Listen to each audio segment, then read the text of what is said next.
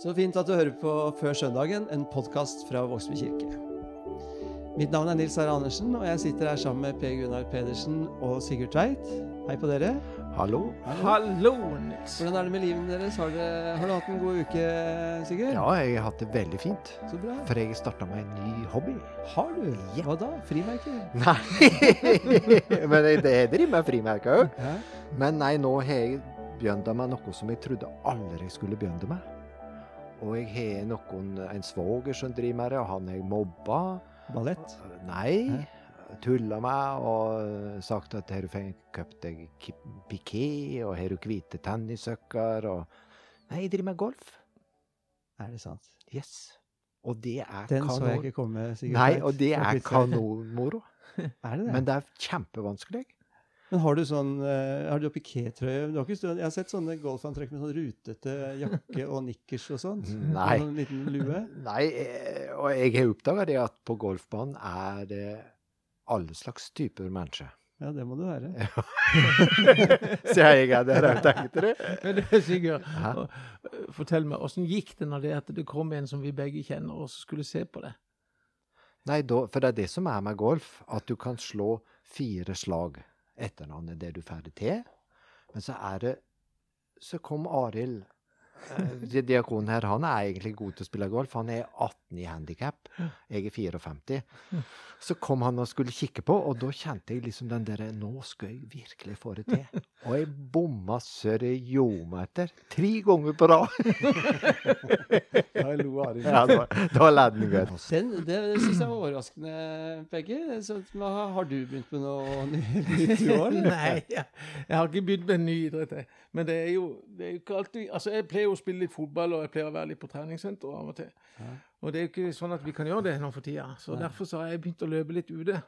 Og det ser egentlig sikkert veldig fint ut, akkurat de første 100 meterne. Men når jeg kommer meg gjennom eh, kirkegården i Voier, så litt ut i, i det området der med Kanonmuseet, så får jeg alltid en eller annen strekk en eller annen plass. Det, det blir ikke noe stas. Så jeg, på vei hjem så ser jeg nok litt mer krøkt ut, tror jeg. Så det Jeg syns jeg har sett deg litt stiv av og til. eh, Ja. Men han er jo den eldste av oss. eh. Ja, jeg synes til, å- til å være nærme seg 60, for du gjør det nå, Per Gunnar, Skal vi prate om noe hyggelig? så er det egentlig godt gjort å, å jogge. Det er jo ikke så mange i den eh, alderen som driver og jogger. Nei. Men Per Gunnar har såpass konkurranseinstinkt at jeg tror han kommer til å jogge selv om han sitter i rullestol. Jeg vil gjerne minne. Vi har, Ja, det, Ellers har jeg faktisk pussa opp litt i det siste hjemme. ja. Det er fint. fint. Mm, det er veldig fint, fint å være ferdig herfra. Ja. Jeg har drevet, eh, jeg har fått meg en ny hobby ja, for at jeg måtte fjerne noen kjempesvære sånn tuia-trær på hagen. Så var det en kompis som sa at eh, du burde ikke hogge de, du burde eh, rive de opp. Det syns jeg hørtes helt sprøtt ut. Så jeg vedda ni kroner på at han ikke får til det. Det var nok til at jeg fikk hjelp av han da, Lars Olav. Så vi holdt på en kveld, da, eh, noen av oss, og reiv opp disse trærne med noen taljer og greier. Det er en veldig fin måte å hogge på, da, for da får du opp røttene og sånt òg. Men, Men du, kan ikke du forklare hvordan et talje virker? For jeg syns det er så Ja. vanskelig å skjønne. Men jeg kan si at den virker. Det var sånne fire momenter der og der og sånn. Det var veldig, jeg var redd huset skulle flytte på seg, for det var jo veldig stor kraft. Vi, vi satte den jo fast i huset. Men, eh, men det, det er lurt å få opp røttene, da. Ja. For jeg har hatt noen slike fururøtter eh, på Flekkerøya på tomtid. Mm. Og det samler seg veldig fort uh, maur i de røttene. ja. Og her på Sørlandet så kan du få den der stygge mauren òg, vet du, den som går i huset. ja. Støkkmauren. Det kan du. Ja. Ja, det ser du, så det var egentlig veldig lurt Ja, opp. eh, eh, det er verdt arbeidet, Ja. Nils. Så nå skal jeg, utover høsten så skal jeg på elgjakt, da skal jeg ikke bruke børse, da skal jeg bruke bare nevene, og så så skal jeg lage en blogg og fortelle hvordan det går. Men eh, vi har jo hatt eh, Vi har, driver og åpner opp her i kirka. Så vi har konfirmantene, ikke sant, Sigurd? Du er står i bresjen for. Ja. De har du begynt å samle igjen. ja, det er veldig fint. Ja. Augustkonfirmantene har vært to onsdager nå. Eh, Men så er det, kjenner vi på at det er litt eh, trist at vi ikke kan reise på leir mer. Ja, Det er det. Og, eh, så vi har prøvd det vi kan. for å få Det var et leirsted vi kunne få istedenfor skjærgårds, men så øh, får vi ikke lov til å reise så mange. Nei, og, og kostnaden med å reise fant vi vel ut blei så stor at uh, Så det var blitt et For de måtte dele gruppa. vi deler gruppa i to, og vi må holde én meters avstanden, og vi lager kohorter, det heter. Så, så vi, vi har funnet ut at vi må prøve å finne på noe alternativt. Ja. Så det kommer en høst, og det kommer neste sommer. Og det er sikkert vanskelig å nå alle sammen, men uh, vi må i hvert fall tenke på det og gi dem et tilbud.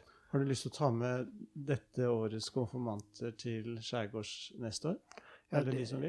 I staben så har vi snakka om det. Kanskje vi skulle kjøpe en, eh, en camp i campen og, og lage det for, eh, for den gjengen her. Så bra. Du Mm. blir liksom aldri lei av teltlivet der sammen med Erik og oss andre innimellom. Og Nei, å sove sammen som, i telt med Erik, det er Fryd. det fryd. Og så gudstjenestene, Peggy. Du har lagd sånn påmeldingsmodul. Nå hadde vi jo drive-in sist. Hadde- Ja, det er, jo, det er jo gøy å se at det, folk, øh, folk øh, setter pris på at vi åpner opp igjen. Det er jo på ingen måte så lett å åpne kirka som det var å stenge. Det er jo mange mange ting vi må ta hensyn til og gjøre riktig. Vi har jo ikke lyst til at det skal bli at det skal bli noen smittekilde her i kirka, så vi prøver å følge reglene så godt vi bare kan. Og så øh, har vi da nå per øh, i dag 50 personer som vi kan ta imot per gudstjeneste. Og førstkommende søndag så så blir det fire gudstjenester for å få det til. Og da eh, blir den første en familiegudstjeneste. Og den er vel eh, omtrent halvfull nå. Eh, Så er det klokka 11 en vanlig gudstjeneste. Den er full. Så kommer det en dåpsgudstjeneste som, som også er full. Og så er det en god del ledige plasser klokka ett. Mm. Mm. Det er veldig trygt å komme på gudstjeneste i Vågsbygd, for eh, det renses mellom hver gudstjeneste, du holder avstand. eh. Så alle disse reglene følger. Det er vel et viktig budskap å si. Det er trygt å komme. Ja, jeg tror ikke det er så mange andre steder du treffer folk ute i samfunnet der det er tryggere enn det det er i kirka nå. Så hvis du er frisk, så kom på gudstjeneste på søndag. Gå innom nettsida vågsbykirke.no og meld deg på. Og så for dem som ikke får plass, så har vi åpen kirke på kvelden også, hvor du kan be og tenne lys og sånt. Ja, klokka er det. Klokka seks. Klokka seks til syv. Mm. Så det blir fint. Og nå er det treenighetssøndag eh, som vi skal snakke om. Eh, og da foreslår jeg at eh, Per Gunnar, som leser tekst på en del gudstjenester, viser hvor god han er til å lese tekst nå, og leser fra Matteus 28. Mm. Men de elleve disiplene dro til Galilea, til fjellet der Jesus hadde sagt han ville møte dem. Og da de fikk se ham, falt de ned og tilba ham. Men noen tvilte. Da trådte Jesus fram og talte til dem. Jeg har fått all makt i himmelen og på jorden. Gå derfor og gjør alle folkeslag til disipler. Døp dem til Faderens og Sønnens og Den hellige ånds navn og lær dem å holde alt det jeg har befalt dere. Og se, jeg er med dere alle dager inntil verdens ende. Godt lest, Peggy. ja, det er ikke alltid jeg er så heldig. Nei, men dette var, her hadde du fin flyt. Ja. Du, vi har hatt en stram uke, og Sigurd skal snart ut og golfe, så vi får ikke snakka sånn om hele teksten, men uh, Det er i grunnen mange ting å prate om her i denne teksten her, syns jeg. veldig mange. Ja, vi kunne det. snakke om dåp, vi kunne snakke om treenighet, vi kunne Men hva er det dere ble opptatt av når dere hørte den her? Jeg, jeg kunne tenke meg å, å snakke litt om dette her. Det, det står som en egen liten setning på slutten, men noen tvilte. Ja. Eh, Og jeg tenker, eh, Før dette da, så har vi jo eh, beskrevet at de har møtt Jesus der Thomas var tydelig en som tvilte, og som fikk Jesus sa at han kunne stikke hånda i sida, og han kunne se naglemerkene. Og jeg vil jo tro at det måtte ha gjort noe med han da, at han ble overbevist. Så jeg, jeg, jeg, tenker at dette her skjer jo i etterkant av det igjen. Og fremdeles er det da noen som tviler. Og jeg lurer litt på hvorfor de tviler når de er så tett på han og får se han og se naglemerkene. Og så lurer jeg på også hva er det egentlig de tviler på? Mm. Ja, fordi at eh, med våre moderne hoder, spesielt hoder, så tenker vi veldig lett på tvil som et slags sånn tanke eh, noe tankestreving. Man skal tenke seg til Jeg har, har han stått opp, eller har han ikke stått opp? Det, eh, det var jo ikke det Thomas ble eh, kunne, Det var ikke på den måten Thomas kunne vise sin tro eller tvil, for Jesus sto jo jammen rett foran ham. Mm. Mm. Men Jesus sier likevel 'vær ikke vantro, men troende'. Mm. Så det er noe annet eh, som kanskje ligger til grunn der, enn at man liksom At det handler om en antagelse om at Jesus lever eller ikke, Mm. eller at Gud finnes. Og du sa det der med du, du, du formulerte deg sånn at de tvilte, og så ble de overbevist. Og det, det røper jo liksom vår tanke om at det er oppi hjernen her det Mm. skjer, da. Um, her også er jo den situasjonen at de ser han, ikke sant, den oppstandende, så står det 'men noen tvilte'. Og Det får meg til å spørre er det kanskje noe annet eh, enn det vi tenker på som tvil, Mm. som Bibelen omtaler som tvil. Jeg husker jeg lærte når vi hadde om Salmenes bok, så, så sier dåren i sitt hjerte 'det finnes ingen Gud'. Men det var i en kultur hvor dåren mente ikke med det at det ikke finnes noen Gud. Det var det ingen som trodde. Det ikke fantes Mm. noen Gud. Han er ikke ateist, Mm. dåren. Men han lever som om Gud ikke finnes. Mm. Og her, eh, denne tvilen her handler kanskje om eh, at man ikke reagerer på det som skjer, men har et sånt tvesyn i forhold til det, eller nøler. Og hvis du går inn i, i gresken, da, så er det to ord i Bibelen som, eh, i hvert fall som jeg vet om, som skriver om, om eh, beskriver ordet tvil. Og det ordet som er brukt her, så ja, det brukes bare to ganger i hele Nytestamentet. Og det er Det er eh, distaso. Eh, og det uttrykker eh, en slags sånn nøling. Du kunne kanskje oversatt det med, med 'noen nølte'. Mm. Og da forstår jeg på en måte dem bedre, ikke sant? For, for han står der, og de andre, de, de, de faller ned og tilber. Men noen nøler. Mm. Og jeg kan godt skjønne de. altså De har Mm. liksom flere tanker der. altså liksom, Hva er dette for noe, egentlig?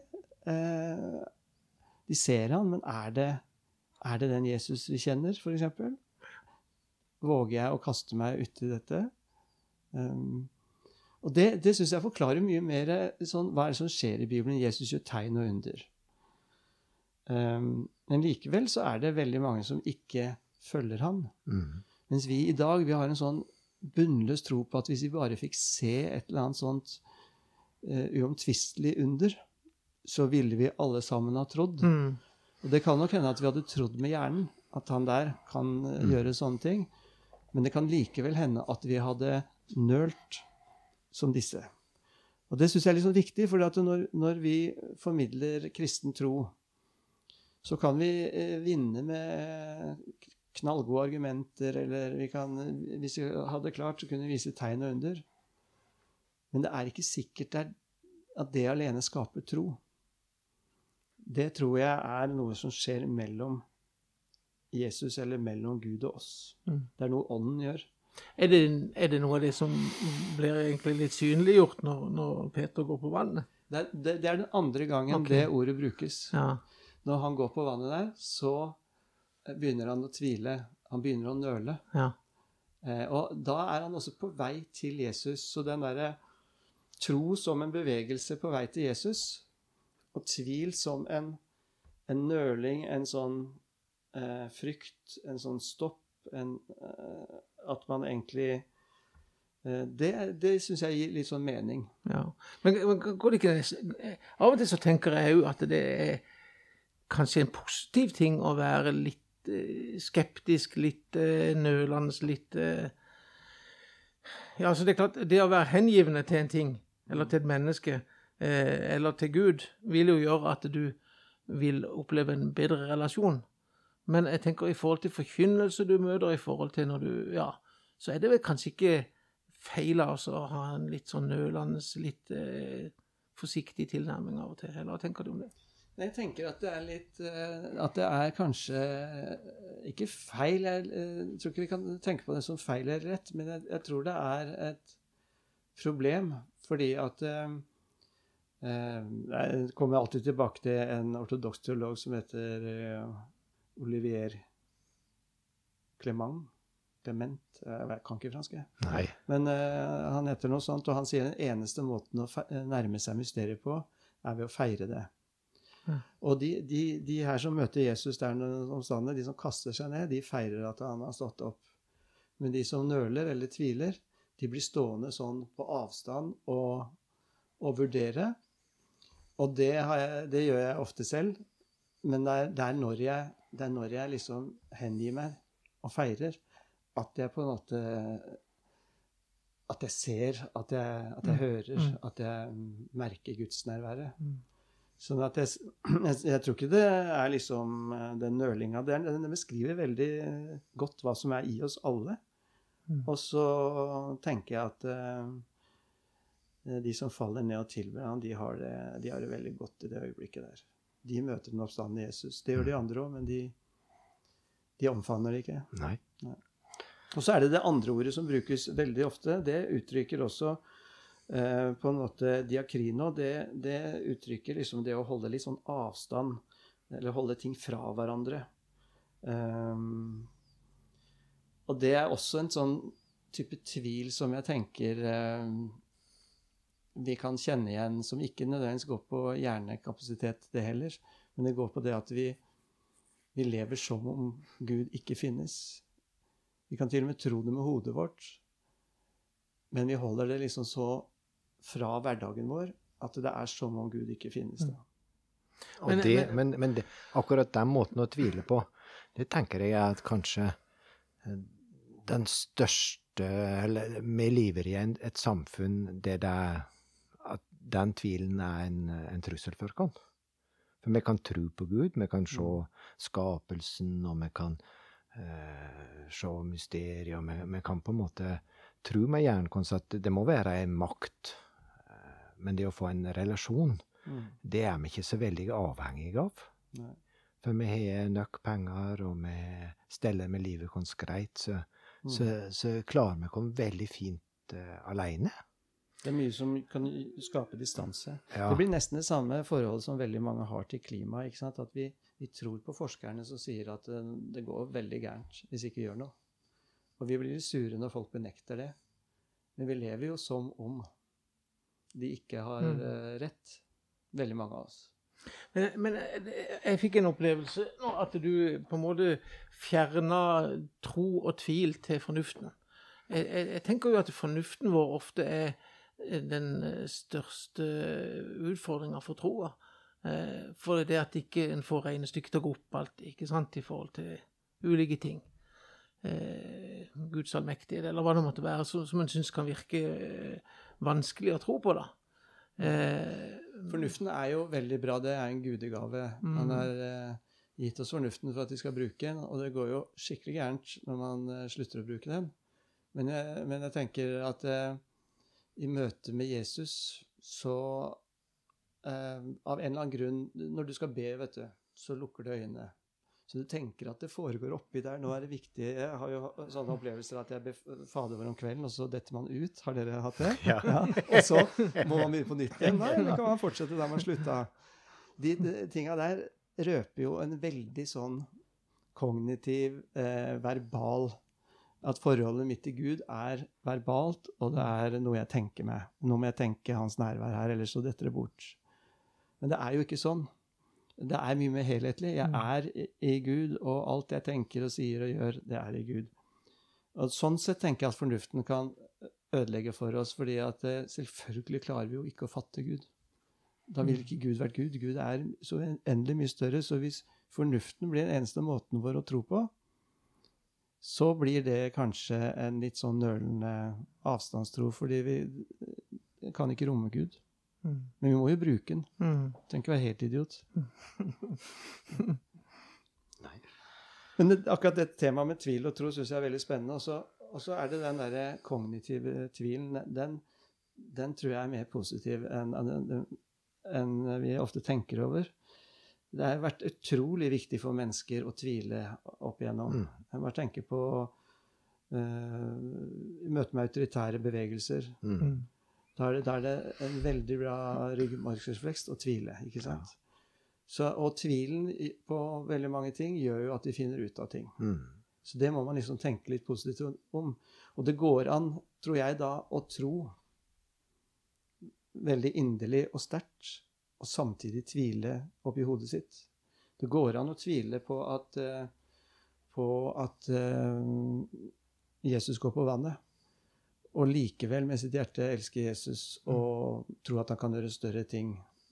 Forvente at han kan gjøre større ting enn det. Fordi at tro er en handling, og det er en relasjon. Om du skjønner hva jeg mener? Ja, og for, for det, det, er veldig ofte så får en spørsmål fra konfirmantene, f.eks. Tror du på alt det som står i Bibelen? Og da er det fint å kunne ha det bibelsynet og si at nei, jeg gjør ikke det. Eh, men det er jo ikke det tro handler om. Det er litt synd vi kanskje bare har ett ord for det. ikke sant? For Ja. Tror du det blir godt vær i morgen? Ja. Det er ikke det samme som tror du at Jesus lever. Det er to helt forskjellige ting. Eller tror du på Jesus? Ja. Og den s- standardgreia er når du får spørsmål tror du på djevelen. At det er det samme ordet som uttrykker at eh, jeg tror på Jesus. Det er jo det kan godt hende du tenker at djevelen er til, men det Mm. handler ikke om tro. Det er jo ikke han du lener deg til. Det er ikke han du faller ned og tilber. Nei. Og, og tenker på Johannesevangeliet 3,16, som er liksom den lille Bibelen, da. For så høyt har Gud elsket verden, at hver den som tror på Han, ikke skal gå fortapt, men ha evig liv. Og så er det ikke mange vers i etterpå det står 'Har du tro som et sennepsfrø, Mm. så kan du flyte fjell'. Mm. Og jeg eh, kjenner mange som jeg tenker tror mye, Mm. men de kan ikke flytte fjell. Nei. Så, så det Jeg kan flytte sånne trær. Ja.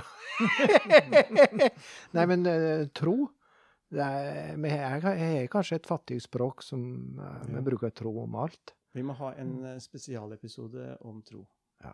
og tvil. Men um, det er jo flere ting enn dette her. De faller ned og tilber ham, men noen uh, nøler. Og så får de jo et oppdrag. Jeg syns jo det er ganske sånn vakkert, da. Hvis du tenker på Hvis dette er i- I forhold til Ma- Matteus, er det det første gang de ser han etter det har gått så elendig. Mm -hmm. Og etter Peter har svikta han så enormt. Mhm. så står han der og sier liksom Og gir dem det oppdraget. Mhm. Et helt vanvittig oppdrag.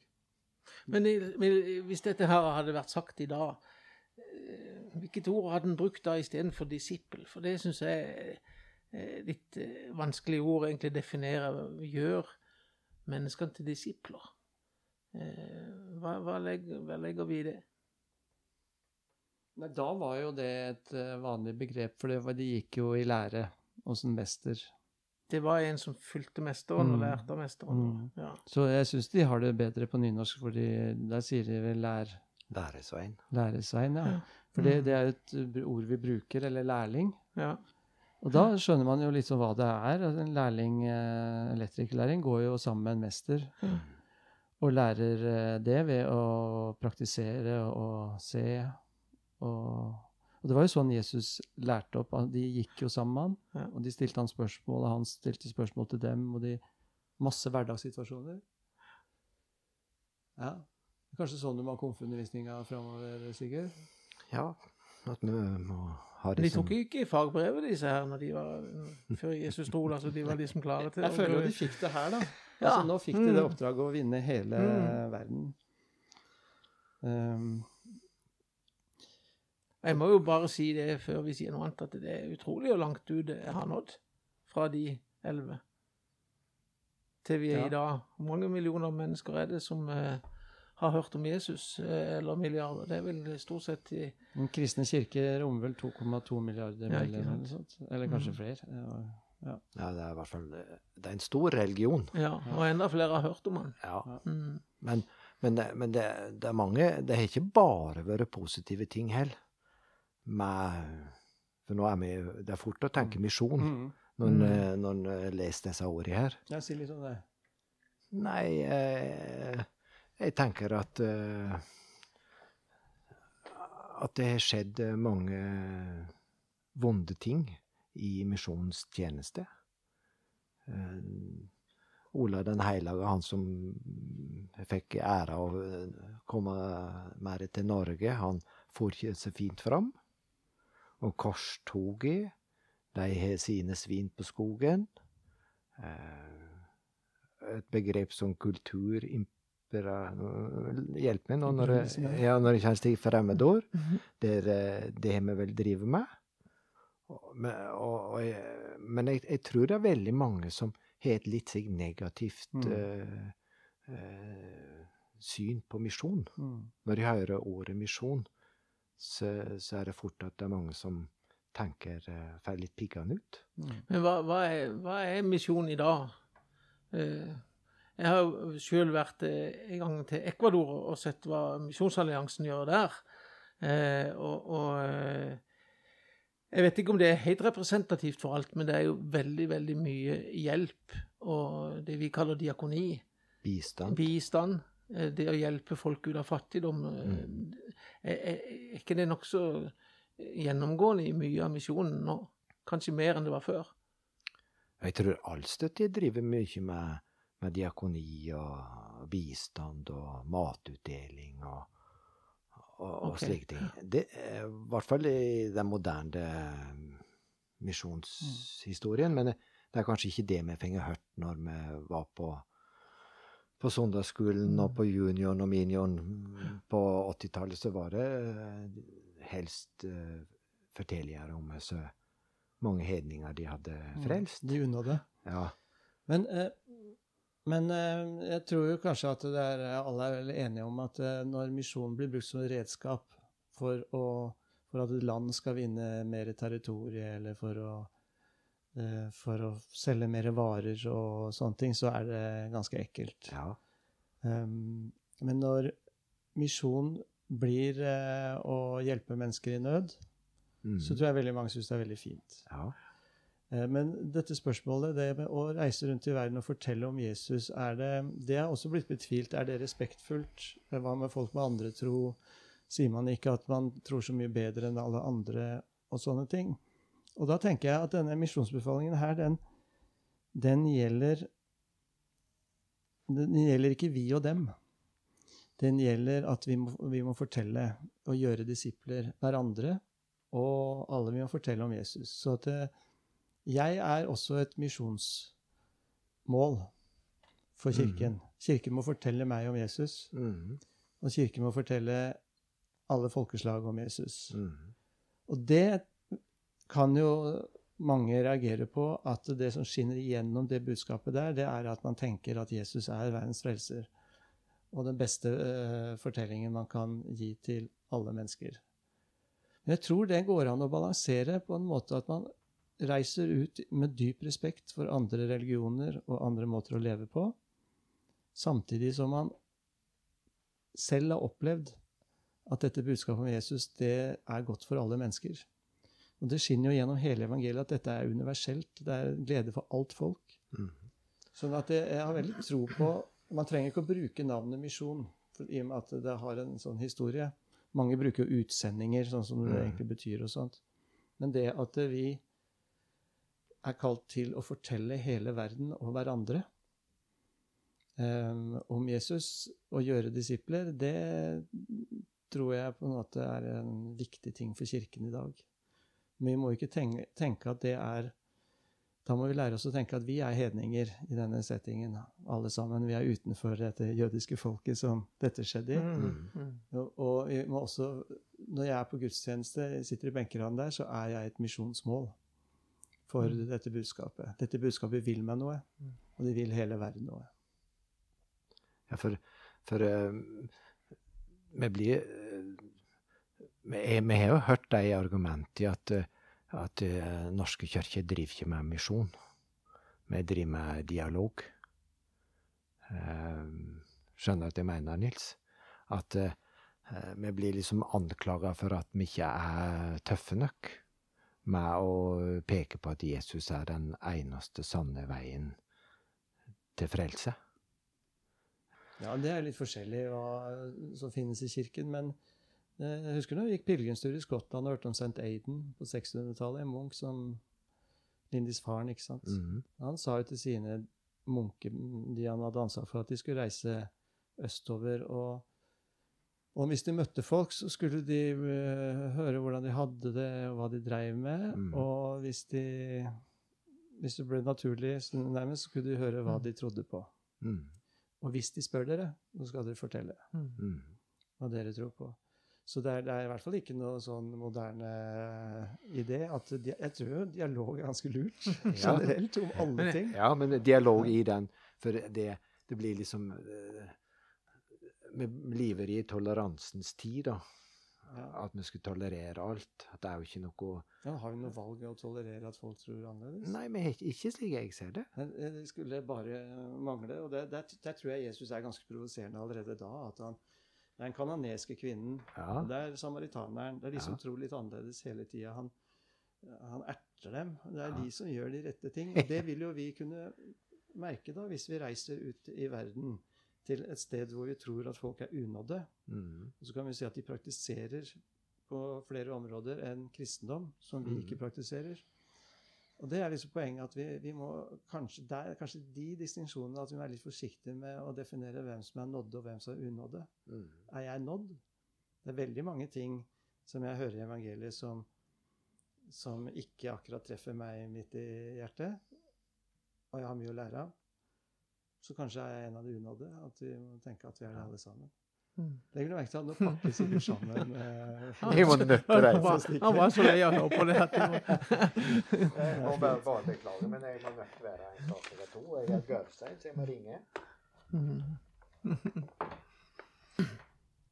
Men det er jo eh, mange forskjellige måter som misjonen har blitt gjort opp igjennom. Og jeg må jo si, og jeg tror det er mange med meg som er enig i at det, den måten Frelsesarmeen har gjort det på synlig også i vårt samfunn, eh, har vært veldig bra.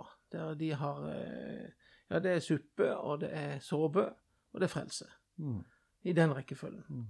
Eh, at de møter mennesker med de behovene de har. Mm. Ser folk, hjelper folk. Folk eh, skjønner at her er det Her er det noen som vil meg vel. Og så kommer kanskje dette med frelse, og dette her om å, å fortelle om, om Jesus eh, i etterkant. Ja, fordi det han jo sier i, i denne mm, som vi har kalt misjonsbefalingen, det er jo gå og gjør disipler. Det er det, er det som er kommandoen. Mm. Å gjøre disipler var det som vi snakka om. ikke sant? Lære, uh, lær folk å leve, lær folk å gjøre, lær folk å Mm. tro. Så det handler både om et budskap, men det handler jo også om, sånn som du sier, å, å um, gjøre det Jesus vil i vår verden. Gi Mm. Den sultne mat, sette fanger fri Mm. løfter folk opp. ikke sant? Mm. Og de som gjør det, de opptrer som disipler i andre verden. Mm. Andre deler overalt i verden. Um, Og så tenker jeg jo det, og det har jeg reflektert litt over, spesielt når jeg var nær og så en del av den nøden, og det som er liksom eh, Driver vi med, med nødhjelp, eller driver vi med diakoni? Eh, driver vi driver Frelsesarmeen med supersåpe for at folk skal bli frelst? Eh, er det liksom for å liksom, lokke de inn til å høre, liksom? Men, men eh, jeg har skjønt eh, og tenkt på det mange ganger, at det er ikke derfor vi gjør det. Vi gjør det for det gjorde Jesus. nettopp. Han var mesteren. Han viste oss vei. Han møtte folk, han løfta opp folk. Han eh, Ja. Og det er sånn en, en lærling gjør. Han gjør det mesteren gjør. Mm. Og da kan man ikke vurdere om man skal gjøre det ene for det andre eller andre for det ene. Det handler ikke om det. Det handler om at man gjør det Jesus ville gjort ja. i møte med den situasjonen.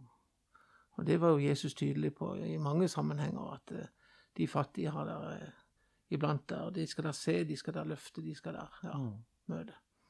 Og, og eh, ja, det går igjen i Jesu møte med nesten alle de historiene som er beskrevet, at han, han møtte mennesker, og han løfta de opp. Mm.